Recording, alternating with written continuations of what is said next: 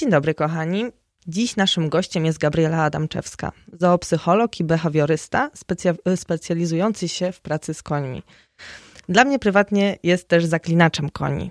Szerzy ideę pozytywnego wzmocnienia nie tylko w świecie jeździectwa, a dzięki jej metodom wielu miłośników zwierząt znalazło wspólny język ze swoimi pupilami. Cześć Gabi. Cześć, cześć wszystkim. Powiedz nam, skąd u ciebie wzięła się pasja do koni? Jak to się zaczęło? Tak naprawdę to od kiedy tylko pamiętam, e, zawsze słyszałam e, od swoich rodziców, że, że ja to praktycznie cały czas z tymi końmi i pamiętam jak opowiadali mi, że nawet jak byłam taka mała, to woziłam zamiast lalek to w wózku konie. jakby wszyscy mnie z tego kojarzyli. więc można powiedzieć, że, że ta pasja to jest coś takiego, z czym właściwie się urodziłam. Praktycznie od małej dziewczynki marzyłam, żeby mieć tego swojego konia. Biorąc pod uwagę warunki finansowe, bo jak wszyscy wiemy, to nie jest tania zabawa. E, udało mi się tego konia mieć, ale dopiero później, później, później. Natomiast tak naprawdę przez te wszystkie swoje lata, szczególnie dzieciństwo, później ten okres nastoletni i właściwie aż do teraz, um, prowadziłam razem ze swoimi rodzicami dom tymczasowy dla zwierzaków. W tym domu pojawiały się właściwie e, wszystkie gatunki zwierząt, jakie tylko e, mogły się pojawić poza egzotyką. Więc mieliśmy i koty, mieliśmy i psy. W pewnym momencie, e, jak już, że tak powiem, wszyscy, szczególnie w okolicy właśnie, zorientowali się, że my tym zwierzakom pomagamy, to wręcz potrafili nam w kartonie gdzieś tam zostawiać takie prezenty pod płotem. Więc jakby można powiedzieć, że e, gdzieś tam ten, ta praca nad e, właśnie psychiką zwierząt i jakby sam kontakt z tymi zwierzętami i próba zrozumienia tego, co właściwie one próbują nam powiedzieć, było, było czymś, co zawsze mi towarzyszyło i czymś, co zawsze chciałam gdzieś odkryć, czymś, co, co chciałam zgłębić. Rozumiem. I Twoją ideą jest trening pozytywny. Tak, dlatego że mm, jakby te x lat temu, może nie jeszcze jakoś bardzo, bardzo dawno temu, bo bez przesady, ale, no, ale było to już te parę, parę ładnych lat e, wstecz. Um, Czytałam książki różnych trenerów, szczególnie trenerów e, związanym, związanych z psami, biorąc pod uwagę, że głównie zajmowałam się wtedy psami. Jeśli chodzi o trening kotów, to już w ogóle był kosmos. E, trening kotów teraz to jest jeszcze wciąż kosmos i taka e, co, coś, co, co ludzie niektórzy pukają się w czoło, że jak to z kotem w ogóle można coś zrobić. No więc można.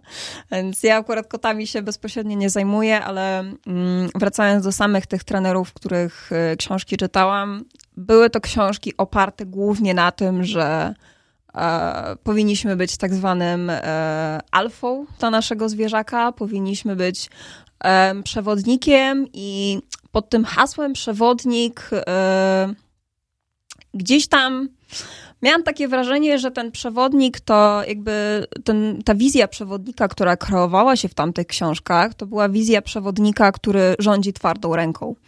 I to było coś, co zupełnie do mnie nie przemawiało. Co więcej, yy, mimo że zajmowałam się tym, no w pewnym sensie amatorsko, jakby byłam małą dziewczynką, która po prostu kochała zwierzęta i, i chciała im pomóc, to już na tamtym etapie, na takich naprawdę drobnych aspektach wychowawczych y, dotyczących czy psów, czy kotów, czy innych zwierzaków, które mieliśmy u siebie. To był już wtedy ten moment, w którym e, odkryłam, że to nie do końca chyba idzie w dobrą stronę i że to nie do końca jest coś, co do mnie przemawia i coś, co działa po prostu. Dlatego, że tak naprawdę w momencie, kiedy zastanowimy się głębiej nad całą kwestią właśnie tego, jak to my powinniśmy zwierzę dominować, bo Właściwie taka była wizja przewodnika w tamtych latach i ta wizja przewodnika niestety dominuje jeszcze e, po dziś dzień. W środowisku psiarzy może mniej, natomiast w środowisku koniarzy, w którym ja się głównie obracam, niestety jest to właściwie fundament pracy z koniem. E, mi to kompletnie nie odpowiadało. To było coś, co chciałam zmienić, to było coś, co jakby czułam gdzieś tam podświadomie, że można inaczej. I tak zaczęło, tak, tak zaczęło się, zaczęła się ta moja fascynacja e, treningiem jakby w sposób alternatywny, można powiedzieć. E, I na tej fali dopiero zaczęłam e, odkrywać jakby te nowe możliwości, nowe sposoby i szukać, szukać nowych rozwiązań. I szukać rozwiązań, które początkowo właściwie stosowa stosowali behawioryści czy, czy zoopsycholodzy właściwie tylko w pracy ze zwierzętami egzotycznymi w ogrodach zoologicznych, takie jak na przykład trening medyczny, czyli przygotowanie do wszelakich zabiegów. Gdzieś tam to był taki trochę punkt wyjściowy e, w tym, czego szukałam. E, I jakby odkryłam, że skoro da się z gekonem, lampardem czy jakimkolwiek innym zwierzęciem, tak zwanym dzikim zwierzęciem, zrobić naprawdę masę roboty, która ułatwia nam życie i temu zwierzakowi życie z nami, Znowu, dla mnie to był taki wykładnik, że można inaczej, że da się inaczej i skoro oni mogą, to właściwie dlaczego my nie możemy? I, i dlaczego miałoby być to aż tak strasznie skomplikowane? A jak myślisz, dlaczego wzmocnienie pozytywne jest tak ważne w relacjach między człowiekiem a zwierzęciem? Bo rozumiem, że u ciebie teraz e, wzmocnienie pozytywne, trening pozytywny to jest taka podstawa działania. Tak, właściwie nie odbieram treningu pozytywnego jako coś, co mm, jest pewnego rodzaju szablonem, bo jakby oczywiście, że każda technika, wszystko to, co wykorzystuję w swojej pracy, to jest pewnego rodzaju szablon, który przykładam na dane zwierzę i ten szablon plastycznie układam pod dany nie tylko gatunek, ale pod konkretnego osobnika, dlatego że każdy osobnik jest inny, każdy z nas jest inny. E, każdy koń jest inny, każdy pies jest inny. Więc bardziej chciałam, żeby e, jakby żeby to była taka bardziej filozofia mojego spojrzenia na, e, na moją relację z każdym z osobna zwierzęciem. Chciałam, żeby było to coś, co, e, jak to ładnie mówi dr Jennifer Zelik z e, światowej sławy behawiorystka i zoopsycholog, żeby zbudowało mi to tak zwany bank relacji. Więc bank relacji działa trochę jak taka lokata, takie konto oszczędnościowe, na które odpowiednim treningiem, ale nie tylko, bo tak naprawdę jest to też kwestia takiego naszego czysto podejścia na co dzień do zwierzaka, czyli to, w jaki sposób go karmimy, to, w jaki sposób wymagamy od niego pewnych e, kwestii, nawet czysto takich w ramach posłuszeństwa, tak? Czy mm, to, jak z nim spacerujemy. To jest wszystko, e, jakby to wszystko buduje nam ten bank relacji, bądź go rujnuje. Więc dużo ludzi patrzy się na trening jak na coś, co przychodzimy, odwalamy przez godzinę i wychodzimy, ja wolę patrzeć na trening jak na coś, co zaczyna się w momencie, w którym zaczyna się jakby ten, przyjeżdżam do stajni, tak jak, no, biorąc pod uwagę, że z psami jakby żyjemy na co dzień, więc to jest już w ogóle e, dla mnie wyższa szkoła jazdy. Natomiast do koni przyjeżdżamy i tak naprawdę w momencie, w którym parkuję samochód e, pod stajnią, to jest moment, w którym zaczyna się mój trening. I trening kończy się w momencie, w którym ja znowu wsiadam do tego samochodu i wracam do domu. I podobnie z psami, tylko z psami i kotami i w ogóle wszystkimi zwierzętami domowymi mamy o tyle trudniej, że właściwie ten kontakt i ta relacja buduje się 24 godziny na dobę. I to jest coś, co z jednej strony jest trudniejsze, a z drugiej strony jest to ogromny przywilej. Dlaczego jest to przywilej? Jest to przywilej chociażby dlatego, że banku relacji nie zbudujemy określonymi ćwiczeniami. Jakby ćwiczenia mogą nam pomóc w tym, żeby ten bank relacji dobrze zbudować, żeby był większy, żeby tam dużo wpłacać, bo jakby trening wiadomo, że jest kwestią fundamentalną w wychowaniu zwierzęcia. Natomiast bank relacji przede wszystkim buduje ten totalnie niezobowiązujący czas. To jest ten moment, w którym po prostu jesteśmy, wygrzewamy się na kanapie z naszym psem. I to jest też ten moment, w którym powinniśmy przede wszystkim zadać sobie pytanie, jak ten pies się z nami czuje. Jak ten kot się z nami czuje? Jak ta rybka w akwarium się z nami czuje? E, czy ta papuga zamknięta w klatce, jak się z nami czuje? Więc jest to spojrzenie, mm, jakby dla mnie gdzieś tam wiąże się to z taką, taką głęboką empatią, e, która dla mnie jest też fundamentem, który pozwala nam w ogóle na zbudowanie banku relacji. To jest coś takiego, bez czego właściwie nie jesteśmy w stanie pójść dalej. Czyli na przykład do takiego banku relacji może zaliczać się na przykład wspólne siedzenie z kotem, gdzie ten kot leży u nas na kolanach, my go głaszczemy, to też do tego tak, się wlicza. Jak najbardziej, dlatego że dużo ludzi właśnie patrzy y, na trening tak zero-jedynkowo, że trening kończy się w momencie, w którym poprosimy naszego psa o siad, waruj, podaj łapę. Natomiast treningiem jest cały czas nasze przebywanie z tym zwierzęciem i to, w jaki sposób my do tego zwierzęcia podchodzimy. To, czy e, wychodzimy z nim na spacer, to w jaki sposób go karmimy, czym go karmimy.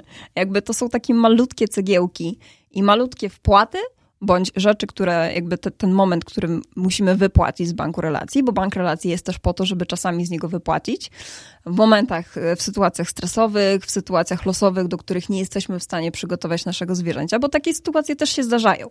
Czasami u weterynarza, no nie jesteśmy w stanie zwierzaka naszego przygotować na wszystko, czasami nie mamy na to czasu, różnie bywa. Powinniśmy o to zadbać, ale generalnie rozumiem, że, że czasami są momenty, w których e, po prostu trzeba z tego banku wypłacić. I to jest ten moment też, w którym trzeba mieć coś na tym, w tym banku, na tej lokacie, żeby w ogóle mieć co z niej wypłacić. W takim razie teraz zapytam się tutaj coś głębiej do treningu. W jaki sposób go prowadzisz? Na pewno masz swoje ulubione metody, więc może byś nam teraz opowiedziała, co jest taką kluczową metodą u ciebie. Mhm. Więc tak naprawdę głównie to, na czym bazuję, to jest e, coś, czego nauczyłam się u właśnie wcześniej wspomnianej dr Zelix. E, a mianowicie jest to tak zwany e, bodziec pomostowy.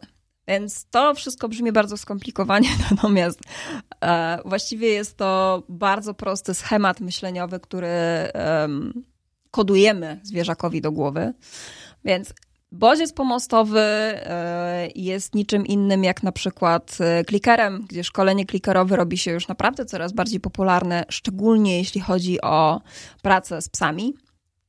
E, znam też ludzi, którzy klikają koty z powodzeniem. Jakby koty potrzebują bardzo specy specyficznego wzmocnienia ze względu na to, że są nauczone pobierania pokarmu i jakby porcjowania sobie tego pokarmu właściwie przez całą dobę. Więc w momencie, kiedy mówimy o bridge'u, mówimy też oczywiście o tak zwanym wzmocnieniu pozytywnym, czyli w tym wypadku e, ja pracuję na, e, na nagrodach, nagrodach w postaci smakołyków, różnych, przeróżnych.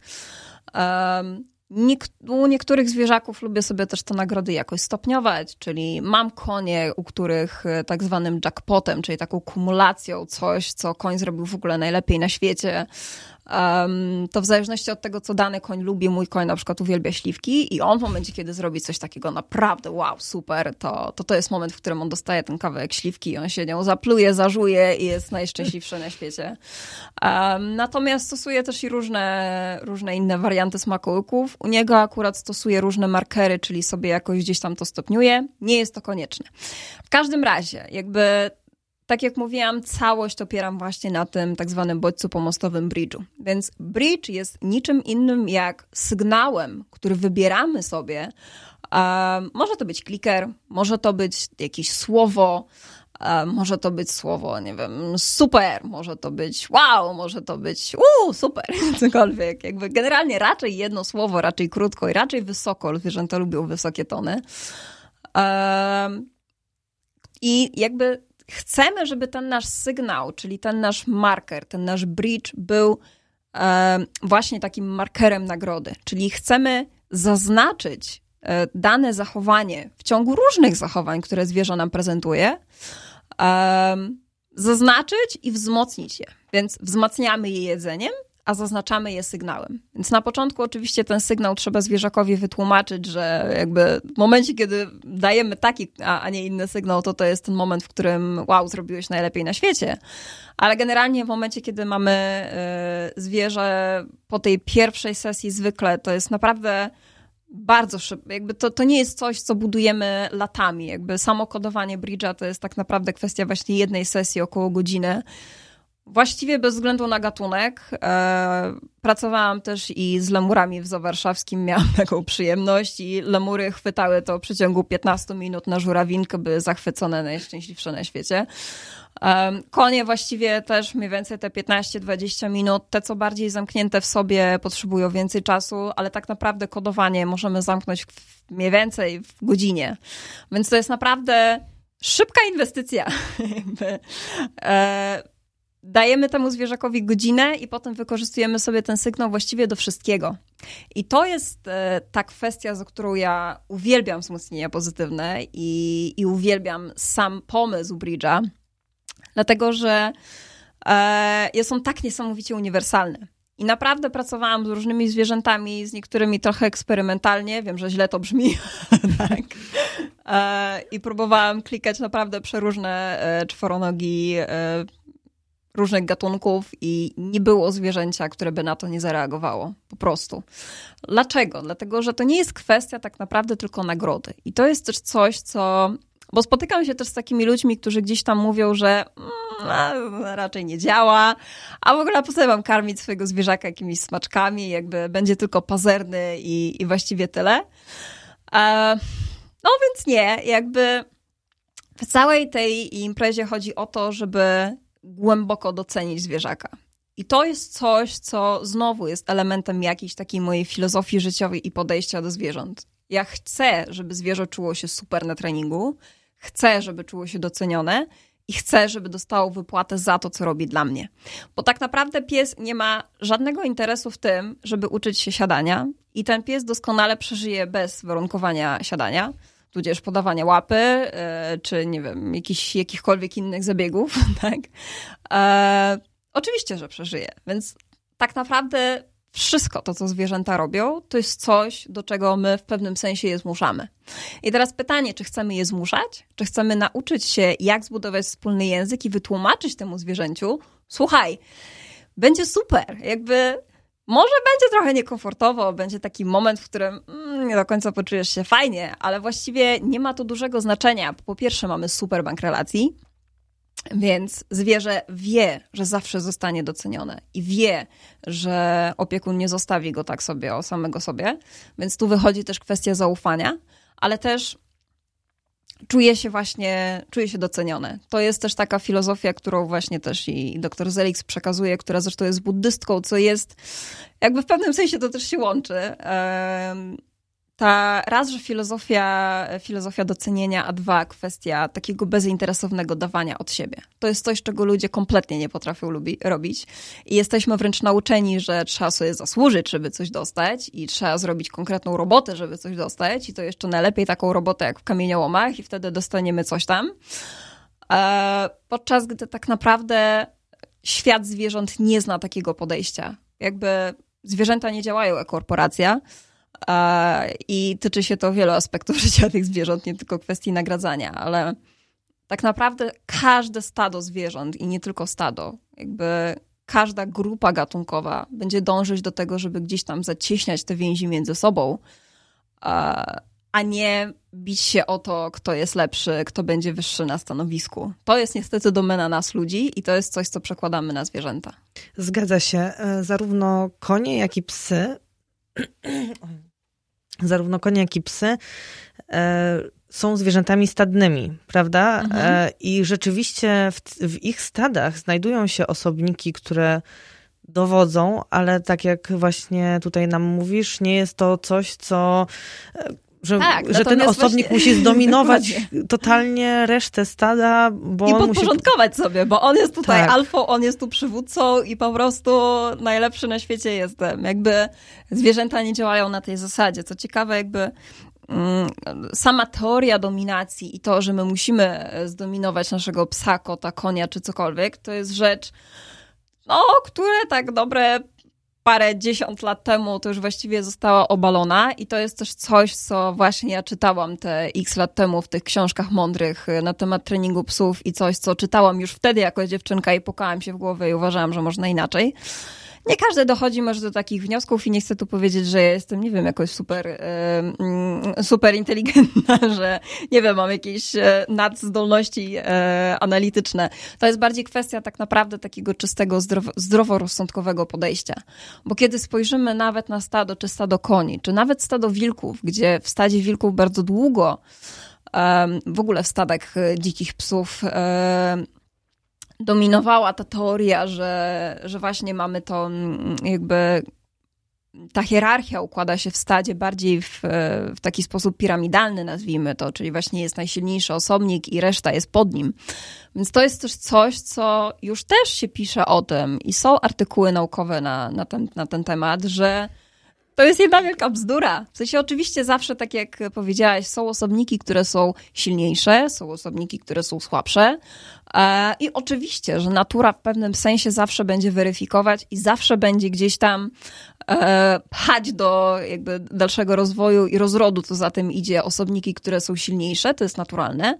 Natomiast z takiego punktu czysto właśnie e, behawioralnego i to, jak te zwierzęta zachowują się wobec siebie, to nie działa tak, że jak ktoś jest słabszy, to wszyscy będą nad nim stać i mówić bu, ale jesteś słabszy i w ogóle zmiata jest stąd. Jakby to nie działa na tej zasadzie. To jest znowu też coś, co my robimy sobie. E, też zupełnie niepotrzebnie swoją drogą, ale robimy to sobie. Natomiast zwierzęta w ogóle nie funkcjonują w ten, w ten sposób. Tak samo konie też nie funkcjonują w ten sposób. Jak sobie poobserwujemy stado, oczywiście mówię o stadzie, gdzie, które jest zrównoważone, gdzie osobniki nie są jakoś wypaczone pod względem psychicznym, bo takie też się zdarzają. Zdarzają się konie, które są po prostu chore psychicznie. To jest bardzo mały procent generalnie, ale zdarzają się takie osobniki oczywiście. Zdarzają się też osobniki, które przeszły różne traumy, wynaturzenia i tak dalej, i tak dalej. Natomiast jakbyśmy spojrzeli na takie stado, gdzie e, konie się znają, nie mają ze sobą żadnych problemów i generalnie są powiedzmy o, cieszą się zdrowym zdrowiem psychicznym, to będzie to stado, które właściwie przez cały dzień zajmuje się iskaniem, stado, które zajmuje się E, wąchaniem się wzajemnym, obwąchiwaniem stado, które zajmuje się przede wszystkim jedzeniem trawy, obgryzaniem korzonków, a nie tym, żeby walczyć, e, kto dzisiaj będzie prezydentem w tym stadzie. Jakby nie, po prostu nie. Jakby oczywiście, mówię, w stadzie zaburzonym będą osobniki, które będą próbowały gdzieś tam przejąć kontrolę, ale zwykle jeśli mamy konia, który jest zaburzony i który próbuje przejąć tą kontrolę, to jest to koń, który jakby próbuje wyładować swoje emocje i nie radzi sobie z tymi emocjami na innych członkach stada. Bądź ból, tak? Bądź ból, oczywiście. Też. Jak najbardziej. Rozumiem. No dobrze. Gabi, może w takim razie powiedziałabyś nam teraz, jak zacząć taki trening e, wspomniałaś klikerowy. Jak zacząć taki trening z pozytywnym wzmocnieniem, bo domyślam się, że dla niejednego laika nie jest to rzecz prosta. Ja pamiętam właśnie podczas tej rozmowy sobie przypomniałam też, jak byłam e, małą dziewczynką, trafiłam na kliker w kształcie kostki. Mm. I pamiętam, że nawet go kupiłam, ale kompletnie nie wiedziałam, e, do czego się go używa. Co z tym zrobić? tak, jak to ugryźć, no. o co z tym biega. E, więc e, tak, to nie była e, łatwa przygoda. E, trening klikerowy e, powtórzyłyśmy już razem kilkanaście ładnych lat później z Debą mhm. i do tej pory odnosi to sukces, więc ty pomogłaś mi. A jak właśnie inne osoby mogą zacząć? Czy mogą zacząć same, czy raczej potrzebują kogoś do pomocy? Mhm. Okej, okay, więc zawsze będę rekomendować, żeby znaleźć sobie kogoś do pomocy, dlatego że po prostu wtedy jest łatwiej. I e, każdy z nas uczy się trochę inaczej. Więc tak naprawdę to jest kwestia tego, jakie my mamy do tego podejście i jak my się czujemy z daną metodą a nie to, jakie mamy zwierzę. W sensie oczywiście jakby stan psychiczny zwierzęcia, to jakie mamy z nim problemy, to co właściwie chcemy z nim zrobić jest jak najbardziej istotne. Natomiast musimy sobie zadać pytanie, jakim typem my, ucznia, jesteśmy. Czy jesteśmy e, typem ucznia, który posłucha właśnie takiej audycji, tak jak my sobie tutaj teraz siedzimy i jakby wykorzysta to, co powie się w teorii i potrafi to zwizualizować i przełożyć na psa, konia, kota, cokolwiek, czy jest się typem ucznia, którego trzeba złapać za rękę i mu pokazać. Więc jeśli czujemy, że raczej jesteśmy tym drugim typem, to zdecydowanie lepiej jest zasięgnąć e, porady behawiorysty, zoopsychologa, kogoś, kto faktycznie w konkretnym gatunku właściwie najlepiej siedzi. Dlatego, że tak naprawdę to jest, e, to jest nasz start. To jest ten, ten nasz początek, to jest e, ten moment inicjacji, który zresztą dla mnie jest najpiękniejszym momentem. Jakby wszystkie z tych spotkań z moimi uczniami są, są super i, i jakby nie mogę powiedzieć złego słowa. Natomiast e, właściwie najlepiej bawię się właśnie na tych e, pierwszych zajęciach i na tym pierwszym spotkaniu, kiedy widzę, jak ten koń, który stał przez pół swojego życia i miał podejść takie, o mój Boże, znowu idzie człowiek, po co? A nagle widzi człowieka, który po pierwsze zaczyna z nim rozmawiać, po drugie e, koń odkrywa, że wow, ja w ogóle rozumiem, co ten człowiek ode mnie chce, e, a trzy jeszcze dostaje coś super. I nagle mamy zwierzę, które jest chętne, które e, jest tu i teraz, i zwierzę, które nie myśli o niczym innym, tylko o nas. A to jest chyba najpiękniejsze jakby w naszym przebywaniu ze zwierzętami. Jakby ja wiem, że to jest bardzo egoistyczne podejście, ale niestety e, każdy z nas, każdy, kto ma zwierzaki, to chce, żeby ten zwierzak był na nas jak najbardziej zorientowany.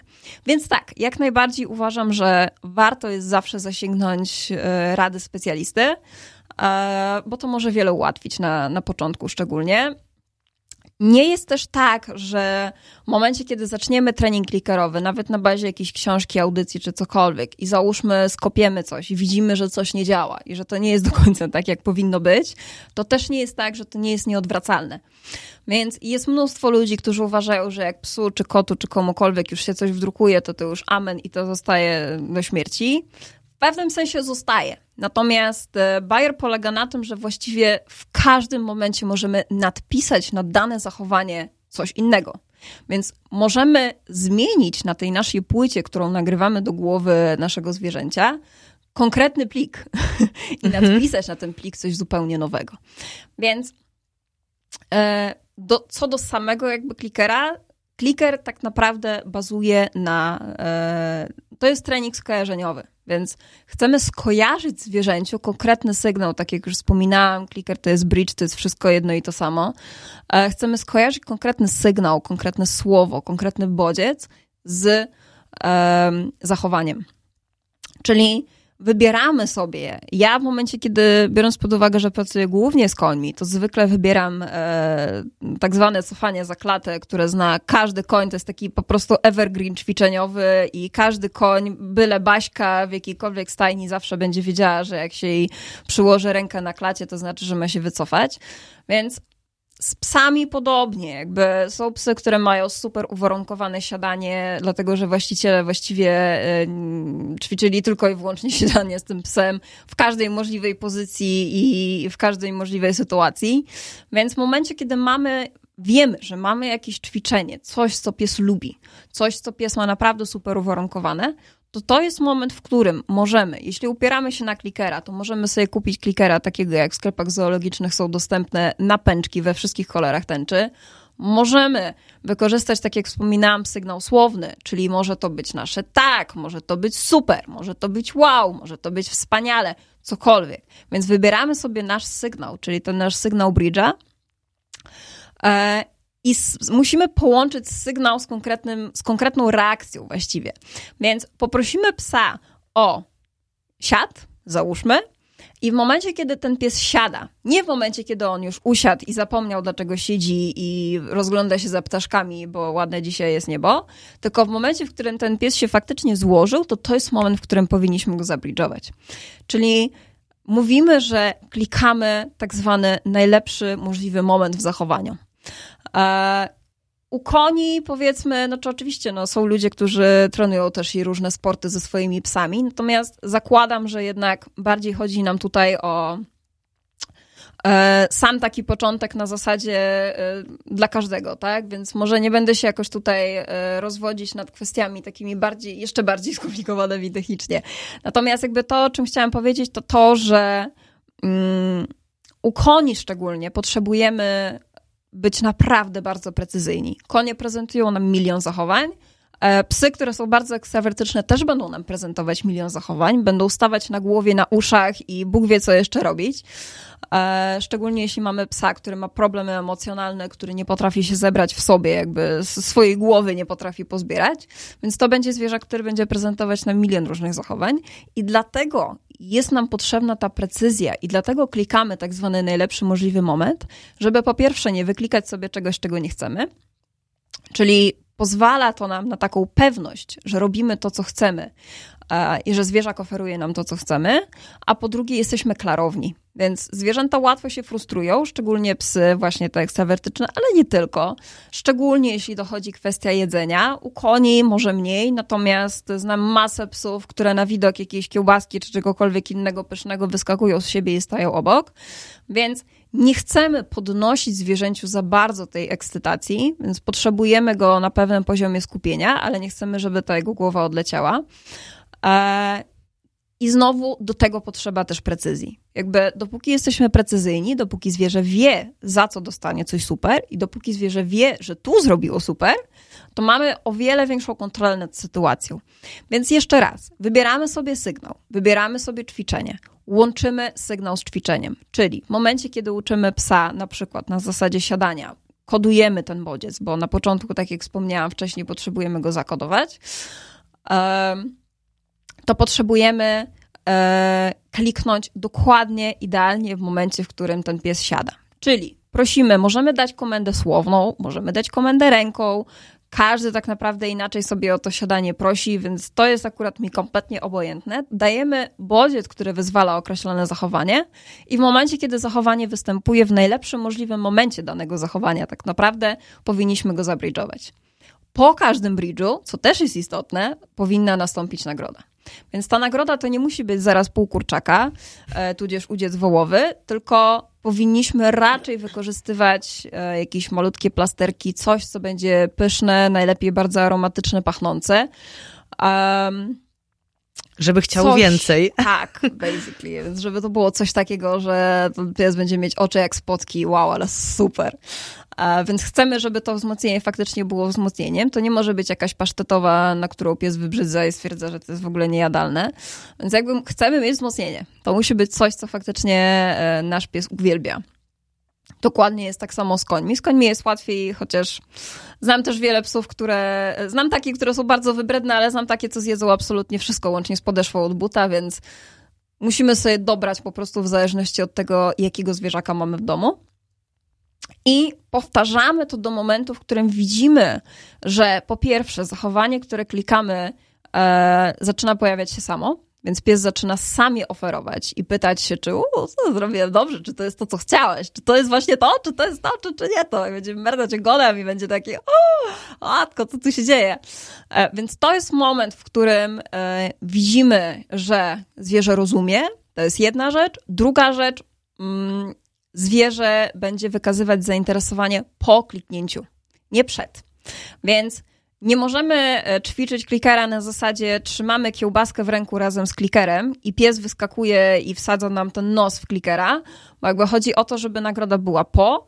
Nagrodę staramy się też dawać gdzieś raczej na wyciągniętej ręce z daleka, po to, żeby też nie kodować zwierzakowi, że ta pyszna kiełbaska to mieszka w naszej kieszeni i jak piesek dobrze potrząśnie, to ona wypadnie. Um, więc dajemy raczej z daleka i kodujemy, że nagroda przychodzi gdzieś tam dalej, a nie z naszej kieszeni. Okay? I tak naprawdę takie kodowanie to jest, tak jak wcześniej wspomniałam, kwestia no, maksymalnie godziny. Ta pierwsza sesja nasza e, powinna trwać naprawdę 10 minut, 15 maksymalnie. Więc to jest kwestia małej inicjacji, coś super ma się wydarzyć w życiu tego zwierzaka na bazie konkretnego ćwiczenia i odpuszczamy. Potem możemy to powtarzać, potem możemy to rozbudowywać. Generalnie chodzi o to, żeby zwierzak załapał na razie na bazie tego prostego ćwiczenia, jak to działa i o co w tym chodzi. I co więcej, żebyśmy my załapali właściwie, jak to działa i jak to możemy wykorzystywać. A wykorzystywać właściwie możemy to do wszystkiego, bo tak jak sobie uwarunkujemy to nasze siadanie, tak samo możemy uwarunkować właściwie każde zachowanie. Klucz jest tylko taki, żeby znaleźć odpowiedni bodziec wyzwalający, czyli coś, co tak zwaną komendę, którą faktycznie pies zrozumie i coś, co pozwoli nam zbudować ten precyzyjny język, czyli widzimy, że w momencie, kiedy uczymy zachowania, to pies faktycznie wie, czego od niego chcemy. Więc nie utrudniamy, nie kombinujemy za bardzo. E, proste zadania, szczególnie na początku, wykorzystujemy to, co już mamy. Bridge, clicker, cokolwiek i dużo dobrego, dużo dobrego. Im więcej, tym lepiej. Czyli budujemy sobie bazę i możemy działać dalej. Dokładnie tak. A w razie problemów kontaktujemy się z Gabi. Tak, ze specjalistą. Zgadza się. Nie jest to e, coś, co na początku po takiej rozmowie może wydawać się czymś łatwym. Myślę, że na początku może to wręcz przerażać.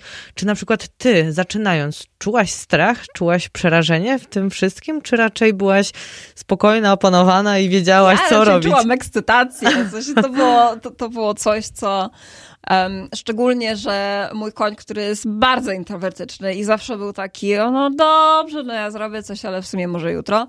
E, I to, że tak naprawdę w przeciągu jednej sesji z klikerem on otworzył w końcu oczy po tych x latach, kiedy żyje, a trochę już żyje, no to miałam takie wow, okej, okay, w sensie pozamiatane, to już lepiej się chyba nie da po prostu. Poza tym miałam też problem z tym, żeby faktycznie jakby Gdzieś tam przerabialiśmy różne systemy treningowe. E, on już był zwierzakiem, jak to się ładnie mówi, e, zrobionym, czyli zwierzakiem, który właściwie wiedział co i jak, wiedział co można, wiedział co nie można. Natomiast to, czego mi brakowało w tym, bardzo brakowało i od zawsze brakowało, to to, że miałam głębokie przeczucie, że ten koń robi to wszystko dla mnie. I chociaż to było naprawdę fantastyczne i bardzo miłe z jego strony, szczególnie, że robił to całkiem dobrze, um, to wciąż problem polegał na tym, że ja gdzieś tam w tym swoim założeniu i gdzieś tam w tej swojej filozofii chciałam, żeby koń robił coś ze mną, a nie dla mnie. Czyli partnerstwo. Czyli partnerstwo. Więc to jest zasadnicza różnica. Tak samo e, znowu, partnerstwo nie równa się dominacja, bo to jest też coś, co e, szczególnie w tym świecie jeździeckim e, gdzieś tam się przejawia. Nie, myślę, że ja, ja w swoim związku partnerskim też nie chciałabym mieć dominacji, chociaż wiadomo, że różnie to bywa, ale nie, generalnie nie chciałabym mieć dominacji żadnej. Więc jakby chcemy gdzieś tam, e, jakby chcemy mieć zasady, bo jakby zasado, jakby nie da się budować związku bez konkretnych zasad. Musimy wiedzieć jakby, gdzie jest ta nasza linia czerwona i właściwie co możemy, czego nie możemy, na co możemy sobie z kimś pozwolić. E, ale to są tylko pewne reguły, Natomiast e, pewne kwestie, o których powinniśmy pamiętać, ale to właściwie tyle.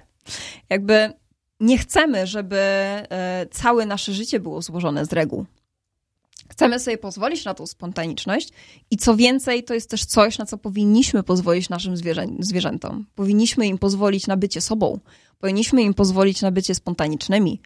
Powinniśmy im pozwolić na to, że jeśli pies jest ekstrawertyczny, to niech on będzie ekstrawertyczny, e, tylko niech będzie zdrowo ekstrawertyczny a nie ekstrawertyczny tak, że będzie, nie wiem, gryźć swój własny ogon. No, taki ekstrawertyzm nam nie chodzi.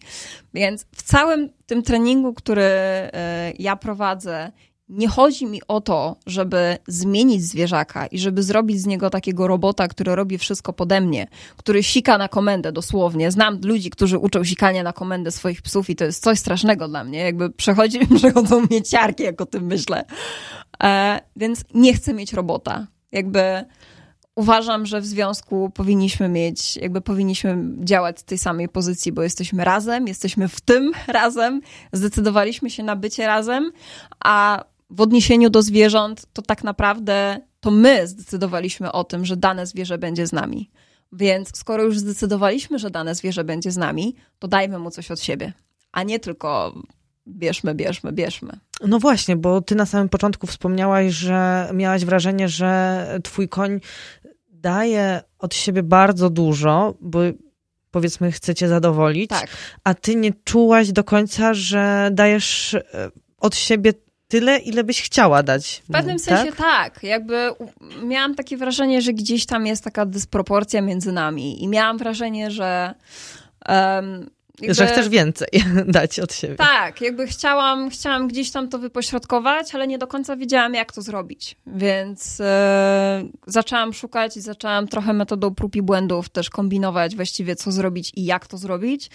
E, na szczęście trafiłam na bardzo mądrych ludzi i przeczytałam e, parę naście mądrych książek, które gdzieś tam poprowadziły mnie i nauczyłam się, w jaki sposób mogę to zrobić. Natomiast tak, jakby to, co chciałam, to chciałam, żeby mój koń był dla mnie um, jakby pełnoprawnym, e, no nie chcę powiedzieć, że partnerem, bo to może źle brzmi. członkiem ale stada. Członkiem stada naszego takiego dwuosobowego. Rozumiem. Bardzo dobrze to brzmi i mam nadzieję, że e, każdy z, nas, z naszych słuchaczy e, ma podobne zdanie e, o swoim pupilu. Ale chciałabym Cię zapytać, bo tak drążę trochę ten temat strachu, bo mhm. jest to emocja, której, no nie mogę powiedzieć, że się boimy, bo strach to jest banie się, tak? Ale to jest taka emocja, do której ciężko nam się przyznać. Ale właśnie chciałabym poruszyć z Tobą ten temat. Czy jeżeli jedziesz na trening, konie nie ukrywajmy, są to duże zwierzęta, są o wiele silniejsze od nas i nie ma takiej możliwości, że jak koń się uprze, to go po prostu, nie wiem, zatrzymamy. Tak? Tak, nie no, absolutnie. Jest e, ileś tam dziesiąt e, kilogramów, ileś set kilogramów od nas cięższy, więc e, stwarza to pewny rodzaj niebezpieczeństwa, tak? Więc nie wiem, jedziesz przykładowo do nowego konia, tak? Na mm. trening z nową osobą, z nową parą e, i masz już jakieś przesłanki, że no, może być groźnie. Mhm. Czy miałaś takie sytuacje, czy, e, czy każdy twój trening kończy się powodzeniem? E, to, to, to dobrze, dobrze, dobrze by było, gdyby tak każdy trening kończył się powodzeniem. Znaczy inaczej, ja myślę, że znowu to jest też kwestia trochę spojrzenia na sam trening i na to, e, w jaki sposób pracuje. Dlatego, że jest mnóstwo ludzi, którzy szczególnie ze swoimi zwierzętami, ja nie mówię już o jakichś tam kwestiach, e, kiedy mówimy o profesjonalistach, trenerach. Tak naprawdę na takim czysto naszym podwórku często jest tak, że raz czujemy, że ten trening był super i w ogóle wow, wymiataliśmy i zwierzak też był super.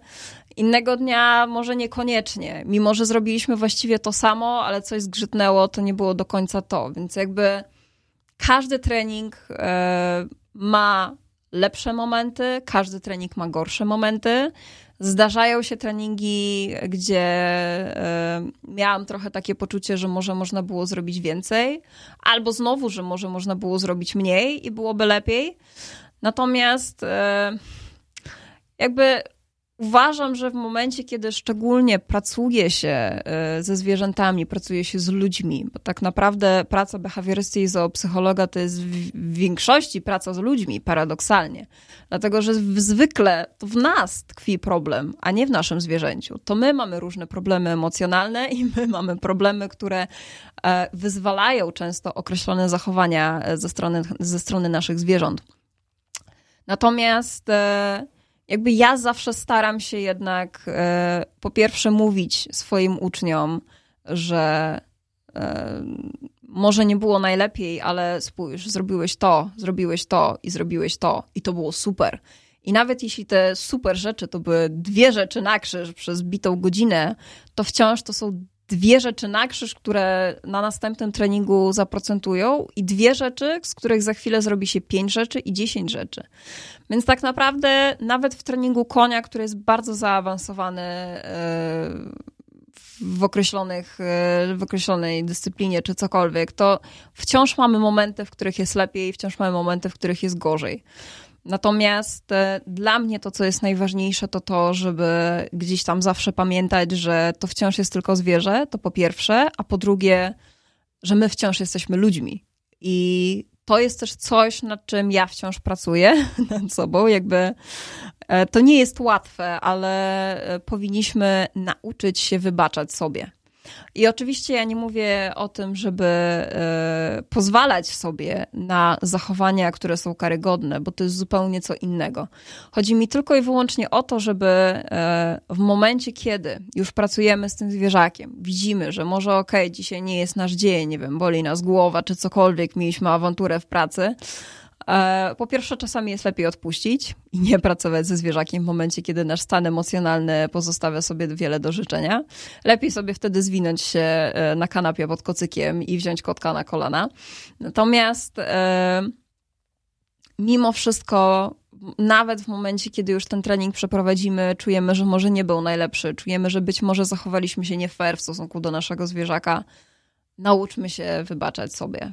My jesteśmy ludźmi i to nie jest tak, że musimy być zawsze idealni, bo po prostu nie da się być zawsze idealnym. No, zgadza się i często się też o koniach mówi, że są właśnie odzwierciedleniem nas.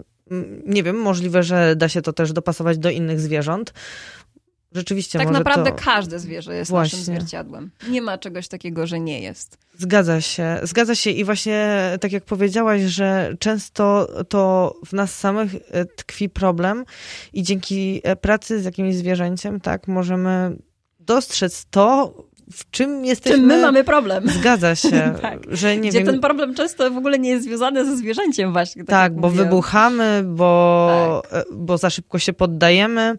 Tak, zwierzęta e, bardzo wiele nam pokazują. I uczą nas. Uczą, uczą. nas o, o samych nas po prostu jakkolwiek by to po polsku nie było, ale, ale właśnie tak, jakby pokazują nam właściwie, e, jakby lubię patrzeć na zwierzęta jak na takich trochę duchowych przewodników gdzieś tam w swoim życiu, które pokazują mi, gdzie skopałam i co mogę poprawić w sobie. Jakby chcę wierzyć, że zwierzęta pozwalają mi na bycie lepszą mną.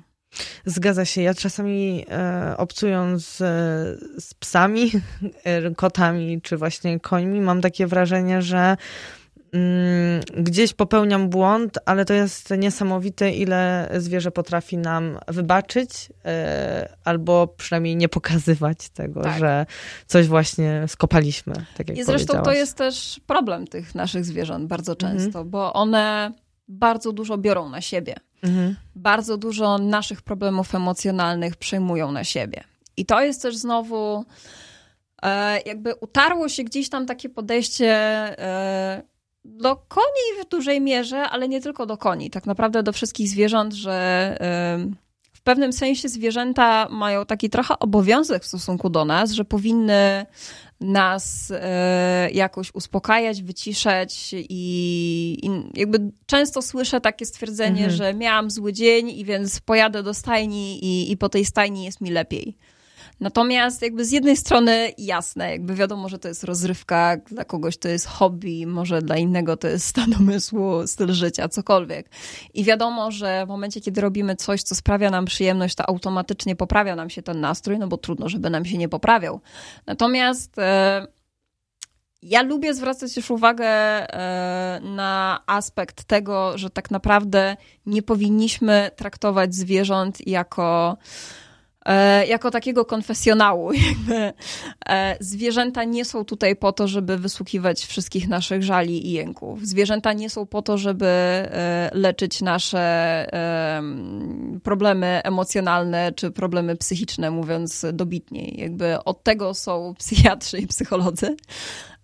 Zwierzęta oczywiście dają nam bardzo duże wsparcie, natomiast trzeba też pamiętać o tym i i to jest też dla mnie jakiś element całego tego mojego podejścia do zwierząt, że zawsze staram się jechać do stajni z czystym umysłem. Wiadomo, że nie zawsze się da, natomiast e, staram się podchodzić do tego na zasadzie, ok, tu jest brama i przez tą bramę nie wchodzą moje problemy w pracy i różne inne, tylko po prostu się od tego odcinam i to jest moment, w którym jestem z tym koniem i tylko z tym koniem. I nie traktuję go jako takiego ręcznika, którym wytrę swoje problemy bo nie powinno się tego robić. Jakby to nie jest fair w stosunku do tych zwierząt. Więc jakby oczywiście one będą nam pomagać, one są gdzieś tutaj dla nas e, na ziemi wsparciem. Natomiast powinniśmy też zadbać o siebie. Powinniśmy gdzieś tam pielęgnować to swoje zen, nazwijmy to, czy jakkolwiek chce e, kto na to patrzeć. Czyli wracamy na dobrą sprawę do tego, o czym już wcześniej mówiłyśmy, że to jest e, ten rodzaj partnerstwa, gdzie nie tylko możemy coś y, chcieć, tak? I brać cały czas tak, coś. Tak, jak najbardziej. Tylko też musimy uszanować granice i, tak, i granice wszystkie... naszego zwierzęcia. Tak, właśnie. Bo nasze zwierzęta też mają swoje granice. Zgadza się. Tylko, że właśnie tak jak powiedziałaś, y, nie pokazują tego do momentu, w którym nie poczują, że to jest już za dużo, tak. czy że boli. Więc są takie zwierzęta, które pokażą nam od razu i mój koń w momencie, kiedy ja przyjeżdżam podirytowana do stajni, to będzie wyskakiwał z siebie i stawał obok i będzie zachowywać się koszmarnie. E, nie mam właściwie pojęcia czemu, ale naprawdę e, za każdym razem, kiedy, e, kiedy ja przychodzę i jestem nie do końca taka, jak on by chciał, to on mi to pokaże po prostu jak na dłoni i będzie robić wszystko, żeby tylko mnie z tego w pewnym sensie wybić, ale na swój sposób, ekstrawertyczny sposób, mimo swojego introwertycznego usposobienia. A są takie zwierzęta, które tak będą przyjmować, przyjmować, przyjmować, przyjmować, aż w końcu wybuchną i wybuchną i albo posypią się i wpadną w depresję. E, depresja jest też chorobą, która dotyka zwierzęta, to, to nie jest tylko choroba ludzi. E, albo właśnie popadną w tą, w tą ekstrawertyczność, czyli nieumiejętność takiego pozbierania się w sobie. I to jest coś, co dotyka mnóstwo psów. Jest mnóstwo psów, które e, będą kręcić się godzinami w kółko za własnym ogonem, szczekać, ujadać i wrzeszczeć.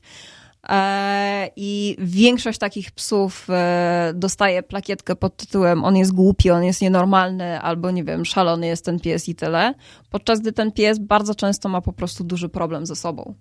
I to jest coś, co powinniśmy, o co powinniśmy zadbać, i to jest coś, co tak naprawdę powinno być w trybie natychmiastowym skonsultowane z osobą, która ma większe pojęcia o tym od nas.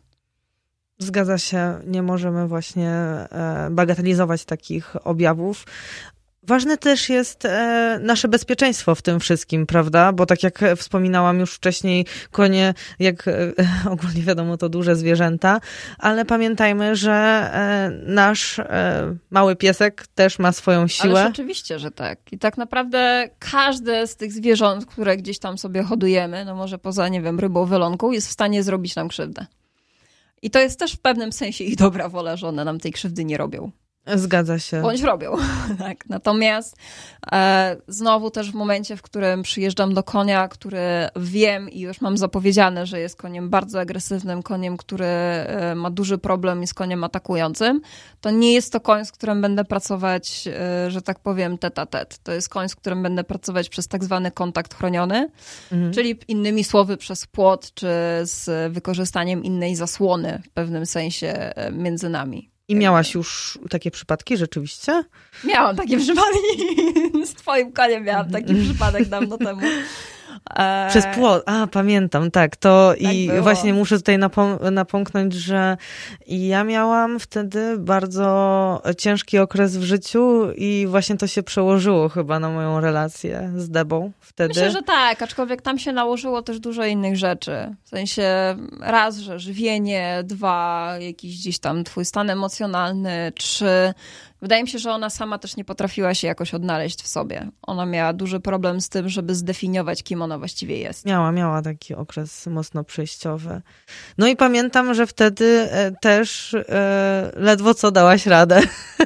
Emocjonalnie. W sensie to był moment, w którym e, pamiętam, jak dzwoniłam do ciebie siedząc w przyczepie, bo lał deszcz i jedno, że byłam mokra od A do Z. E, byłam po naprawdę ciężkiej godzinie pracy z, z Debą. E, I dzwoniłam do ciebie i po prostu myślałam, że się popłaczę. Myślę, Jezu, co ja mogę zrobić właściwie więcej dla tego konia i jak mogę mu pomóc? E, udać się ostatecznie udało, natomiast e, bywają takie momenty, kiedy nawet nie tyle może wątpimy w metody, bo tak naprawdę to, to nie jest metoda, którą ja sobie gdzieś tam wymyśliłam w dniu wczorajszym, tylko to jest metoda, którą stosują ludzie tak naprawdę na całym świecie i profesjonaliści z o wiele większym stażem niż ja. Natomiast są często takie momenty, kiedy po prostu wątpimy w samych siebie. I są momenty, w których e, zastanawiamy się, czy to właściwie jest coś, co, czemu podołamy i coś, czy z, czym, z czym sobie damy radę i, i zaczym, zaczynamy się zastanawiać, w którą stronę właściwie z tym pójść i co z tym zrobić. Więc tak, bywają, bywają i takie sesje. Natomiast e, zawsze jakby ja staram się prowadzić sesje tak, żeby były w komforcie nie tylko dla, dla mnie samej i w bezpieczeństwie dla mnie samej, e, ale dokładnie w tym samym też i dla zwierzęcia. Jakby nie ma sensu pchać się w ogień, e, skoro możemy zrobić to inaczej i o wiele bezpieczniej. A jak sobie radziłaś z takimi momentami e, zwątpienia u siebie? Czy to ci przychodziło od razu, czy po jakimś czasie? Bo ja e, powiem ci szczerze, że miałam taki okres, e, czy to w pracy, bo to się nie tyczy tylko treningu przecież, nie, czy ogólnie życia ze zwierzęciem. To się tyczy każdej naszej płaszczyzny w życiu, gdzie przychodzą w pewnym momencie wątpliwości i, I nie wiemy, nie wiemy, czy się właśnie, tak jak powiedziałaś, tego dalej podejmować, czy podołamy, czy damy radę zrobić coś więcej jeszcze, jak to u ciebie było? Czy przychodziło tak od razu, czy, czy chwilę to trwało? Znaczy, wiesz co, pamiętam jak zaczynałam chociażby ze swoim koniem, gdzie, tak jak mówię, miałam już całkiem sporo doświadczenia z, no, nazwijmy to, zwierzętami domowymi. Natomiast e, jeśli chodzi o konie, wydawało mi się, że wiem bardzo dużo, bo przecież jeździłam w szkółce, przecież jakby -hmm. ja już wiem mm -hmm. wszystko, jakby miałam, mam do czynienia z końmi od najmniejszej dziewczynki praktycznie. A potem kupiłam konia i okazało się, że właściwie nic nie wiem. I, I dla mnie to jest w ogóle jakiś kosmos i opieka nad koniem. Jakby to był moment, w którym uświadomiłam sobie, że e, hobby pod tytułem jazda konna, a hobby pod tytułem posiadanie konia to są zupełnie dwie inne rzeczy. I w ogóle e, samo bycie właśnie właścicielem konia, ale takim właścicielem, który faktycznie dba o tego konia, który jest dla niego um, i który myśli o nim i zastanawia się, co może dla niego jeszcze zrobić, e, to było trudne. W sensie same nasze początki były bardzo trudne. To był koń, który e, zaznał już dużo cierpienia od ludzi, koń, którego kupiłam w wieku z ogłosze- jakby w ogłoszeniu było napisane, że ma 20 lat. Potem dopiero po latach odkryłam, że e, lat miał jakieś 16-17. Rzadko się to zdarza, żeby w tą stronę. No właśnie. są konie starsze niż młodsze. Ale on akurat był młodszy. E, udało mi się odnaleźć jego rodziców. Jakby znalazłam gdzieś tam te jego korzenie, więc powiedzmy pod tym względem chociaż wiem e, w jakim on jest wieku. Natomiast wtedy tego nie wiedziałam, więc tak naprawdę na tamten moment kupiłam konia, który ma 20 lat, konia, którego właścicielka stoi, jakby siedzi w domu od 4 lat e, z depresją, konia, który nie ma w ogóle kontaktu z ludźmi praktycznie, który stoi w lesie i zapada się w sobie. W dodatku e, właścicielka nie płaciła za niego, jakby po prostu zostawiła go samego sobie, sama popadła w długi. No więc e, ten koń właściwie stał i wyglądał po prostu jak taka ostatnia habeta. I naprawdę nie wiem, co mi przyszło na głowę, żeby pojechać i tak sobie go po prostu kupić. E, ale jakby ja też miałam takie podejście do tego, że kupuję konia do kochania. Jakby ja nigdy nie chciałam mieć konia, który będzie, nie wiem, sportowcem, wyczynowcem. Ja po prostu chciałam mieć konia, marzyłam o koniu i chciałam mieć konia, któremu faktycznie całkowicie się poświęcę. No i poświęciłam się, jakby poświęcam się po dzień dzisiejszy. Natomiast było mnóstwo takich momentów, kiedy on przewoził mnie po żywopłocie, zrzucał mnie, deptał i robił różne inne rzeczy. Więc początki były trudne i też na tamtym etapie uparłam się na powiedzmy, no może nie jedną metodę, ale kilka gdzieś tam metod i szukałam tej pomocy i miałam oczywiście też milion dwieście e, fantastycznych doradców e, w stajni. Akurat tych doradców ze stajni to nie powiem, żebym słuchała, bo jakby metody siłowe dla mnie były po prostu z góry ich nie ma, one nie istnieją i po prostu nie bawimy się w takie rzeczy, bez względu na to, co ten koń miałby nimi nie zrobić. E, więc jakby to odrzuciłam z gruntu, natomiast e, szukałam cały czas, co właściwie mogę z nim zrobić, skoro metody siłowe odrzucam. E, tym sposobem trafiłam na Pareliego, czy na inne szkoły, też jakby związane z tak zwaną pracą naturalną z końmi, czyli innymi słowy pracą, która teoretycznie nie jest oparta na przymusie. E, no i próbowałam, ale mimo, że próbowałam, mimo albo, albo i nie mimo, jakby myślę, że to też się gdzieś tam łączy samo, e, sam ten moment właśnie próbowania i wychodzenia poza pewne schematy utarte, które ludzie e, zawsze będą nam proponować gdzieś tam i zawsze znajdzie się jakiś mądry, który uważa, że wie lepiej od nas. I pamiętam ten czas, kiedy przez te pierwsze lata, bo ciężko powiedzieć, że miesiące, kiedy e, ja z tym koniem w pewnym sensie walczyłam, bo, bo, no bo to był koszmar, jakby to był naprawdę trudny czas.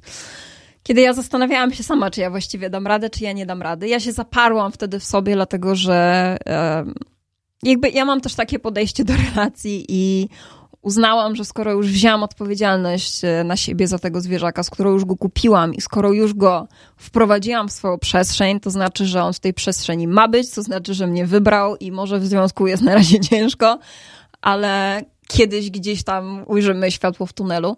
I faktycznie to światło w tunelu przyszło, ale przyszło, no, przyszło po dobrych dwóch latach pracy, mogę powiedzieć. Więc tak naprawdę te pierwsze dwa lata to było użeranie się z ludźmi, którzy wyśmiewali praktycznie każdy mój krok, którzy wytykali mnie palcem, którzy uważali mnie za wariatkę, którzy uważali, że mój koń to mnie zabije za chwilę. No, bo przecież ona pasie go tylko tymi marchewkami, więc on na pewno ją zabije, zdepcze, zje, pogryzie i wszystko naraz. E, I dalej gdzieś tam czasami spotykam się z takimi ludźmi, którzy, którzy stoją gdzieś tam bokiem i jest ha, ha, ha, hi, hi, hi, no bo co ona robi, jakieś w ogóle głupoty z koniem i po co ona go w ogóle uczy, nie wiem, siadać, leżeć czy cokolwiek, jakby na co to komu? na koniu się jeździ i kropka. Um, ale faktycznie to, to był głównie taki czas, w którym, e, w którym czułam, że trochę idę przez bagno i to tak popas przez to bagno i właściwie nie wiem, kiedy z niego wyjdę. Więc Właściwie, Ale brnęłaś. Tak, no jakby brnęłam. Brnęłam, natomiast brnęłam tylko, tylko dlatego, że jakby właściwie całą moją siłą napędową do tego była tylko i wyłącznie miłość do tego konia. Ja po prostu się w nim kompletnie zakochałam, bez względu na to, jaki on tam był. Lepszy, gorszy, miewał lepsze dni, z których się zresztą bardzo cieszyłam. A jakby pamiętam, że przychodziłam do stajni i, i bywały takie treningi, gdzie było naprawdę ciężko, a bywały też i takie, gdzie, gdzie dosłownie płakałam ze szczęścia i nie wiedziałam, co mam właściwie zrobić i jak, jak tego konia jeszcze tam bardziej wyprzytuleć i wszystko naraz było grane. A więc było lepiej, było gorzej, ale tak naprawdę dzięki tym momentom, w którym było lepiej, to, były, to było dla mnie takie, takie to, to był dla mnie taki drogowskaz, jeden z wielu, które on mi dawał, że mam się nie poddawać, że, że wciąż jest jakby nadzieja dla tego zwierzęcia i, i że wciąż mogę coś dla niego zrobić. Zarówno e, takie same reakcje, bo teraz e, to mi tak utkwiło z Twojej wypowiedzi e, w głowie, że spotykałaś się z różnymi reakcjami ludzi, często nieprzychylnymi. To samo można zaobserwować, myślę, właśnie, mm, jeżeli ktoś chce inaczej postępować ze swoim psem, tak? Czyli wszystko nie polega na ciągnięciu smyczą czy grożeniu tak. pasem, tak. tylko tak jak e, wcześniej już wspominałeś o metodzie głosowej, czyli tak. tym bridge'u, czyli jak ktoś już mówi do pieska o takim lżejszym głosem, tak. no to już jest walnięty, prawda? Tak. O, on już jest I że nienormalny. w ogóle gada do zwierzaka, jakby tak. naprawdę istnieją jeszcze ludzie na tym świecie, którzy rysują sobie kółka na czole, jak słyszą, że ktoś gada do zwierzaka, gdzie zarówno konie, jak i psy zapamiętują naprawdę mnóstwo słów. Przede wszystkim jakby znowu czary mare hokus pokus, ale prawda jest taka, że jakby każde każde nasze słowo niesie za sobą raz, że ładunek emocjonalny, a dwa, każde słowo to jest energia. I w świecie jeździeckim gdzieś tam to pojęcie energii e, jest powiedzmy bardziej naturalne i jakby jeźdźcy rozumieją pojęcie energii, może nie wszyscy, niestety, ale generalnie jest to coś, co powiedzmy mm, jest bardziej zrozumiałe niż w środowisku, mam wrażenie, ludzi pracujących z psami. Więc jakby to, co mówimy, to w jaki sposób się zachowujemy, to jest znowu budowanie banku relacji. To jest wszystko jedno i to samo, tylko to jest fundament, bez którego tak naprawdę nie pójdziemy nigdzie dalej. Eee, nie rozumiem, jak można nie lubić mówić do swojego zwierzęcia. Nie rozumiem, jak można e, mieć podejście takie czysto autorytarne. Jakby nie chciałabym być dla swojego zwierzęcia e, osobą, której on się boi.